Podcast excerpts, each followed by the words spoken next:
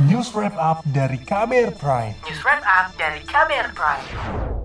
Saudara, sebagian besar masyarakat menyoroti kekayaan milik sejumlah pejabat di Dirjen Pajak yang dinilai tidak wajar.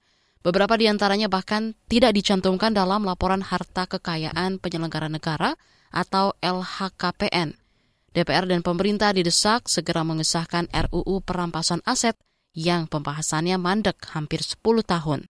Apa urgensinya undang-undang itu disahkan? Berikut laporan khas KBR disusun Syafira Aurelia. Jumlah kekayaan 56 miliar rupiah milik bekas pejabat Dirjen Pajak Kementerian Keuangan, Rafael Alun Trisambodo menjadi perhatian publik belakangan ini. Besaran kekayaan itu terungkap setelah kasus penganiayaan anak Rafael, Mario Dandi Satrio, terhadap D mencuat. Dalam kesehariannya, Mario kerap memperlihatkan sejumlah kendaraan berharga ratusan juta, semisal Rubicon. Belakangan diketahui Mario merupakan anak Rafael, ex Kepala Bagian Umum Kanwil Pajak Jakarta Selatan II. Berdasarkan LHKPN 2021, Rafael tercatat memiliki kekayaan hingga puluhan miliar rupiah. Presiden Joko Widodo turut menyentil perilaku pejabat pemerintahan yang berperilaku hedonisme itu disampaikan Jokowi saat sidang Kabinet Paripurna di Istana Negara kemarin. Kalau seperti itu ya, kalau menurut saya pantas rakyat kecewa karena pelayanannya dianggap tidak baik, kemudian aparatnya, perilakunya jumawa dan pamer kuasa, kemudian pamer, kekua, pamer kekayaan, idonis, Menurut Jokowi, kasus perilaku hedonis pegawai pajak dan bea cukai telah mengecewakan masyarakat. Untuk itu, Jokowi memerintahkan seluruh menteri dan kepala lembaga mendisiplinkan aparat di bawahnya. Instruksi ini juga ditujukan kepada aparat penegak hukum seperti Polri dan Kejaksaan Agung. Wakil Menteri Hukum dan Hak Asasi Manusia atau Wamenkumham Edi Hiarich menyebut negara sebenarnya bisa merampas aset pihak yang melakukan pencucian uang tanpa harus membuktikan kejahatan asalnya. Dasar yang bisa dipakai yakni melalui hukum perdata. Ini disampaikan Edi merespons perdebatan terus muncul mengenai konteks pencucian uang sebagai harta yang diperoleh secara tidak sah. Kalau toh dia mau dirampas oleh negara karena sesuatu yang ilisit yang tidak sah, maka silahkanlah menggunakan sarana keperdataan. Jadi bukan soal membuktikan ada kejahatannya, tetapi persoalan dia memiliki harta yang tidak pantas secara portofolio. Yang itu saya kira PPATK sangat paham apakah ini termasuk profil dia punya harta kekayaan sekian ataukah tidak. Jadi jangan dicampur adukan antara kita melakukan perampasan dalam konteks pencucian uang dengan kejahatan itu sendiri. Wamenkumham Edi mengatakan, saat ini perampasan aset kejahatan di Indonesia mengharuskan ada putusan pengadilan yang mempunyai kekuatan hukum tetap, baru kemudian harta bisa dirampas.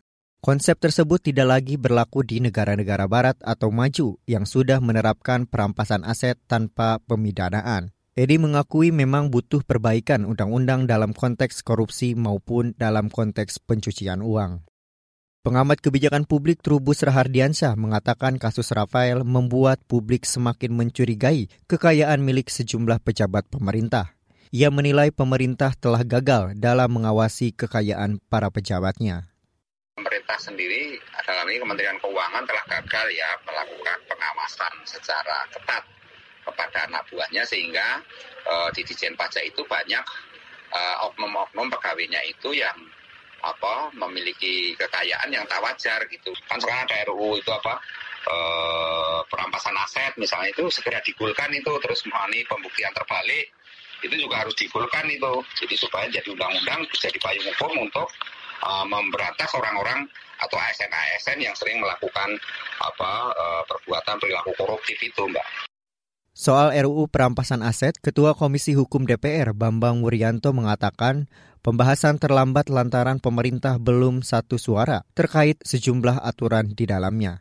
Selain itu, ada kekhawatiran sejumlah pihak bahwa RUU perampasan aset bisa menjadi senjata makan tuan, sebab mereka yang memiliki banyak aset adalah orang-orang yang berkuasa.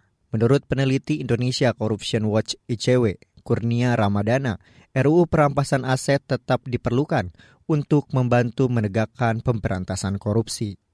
Bagaimana draft RU perampasan aset itu kan berbicara soal kemudahan penegak hukum untuk bisa membawa aset tersebut dalam tanda kutip ke persidangan dan ada mekanisme pembalikan beban pembuktian di sana terhadap pihak-pihak yang mengklaim memiliki aset tersebut. Kalau mereka tidak bisa membuktikan aset itu bukan berasal dari tindak kejahatan, maka negara langsung dapat merampas aset tersebut. Kurnia Ramadana menilai perampasan aset menjadi salah satu hukuman yang dapat memberikan efek jerak pada koruptor. Sebab dapat memiskinkan para koruptor yang memperkaya diri dengan tindakan yang merugikan negara. Demikian laporan khas KBR yang disusun Safira Aurelia. Saya Heru Haitami. Kamu baru saja mendengarkan news wrap up dari KBR Prime.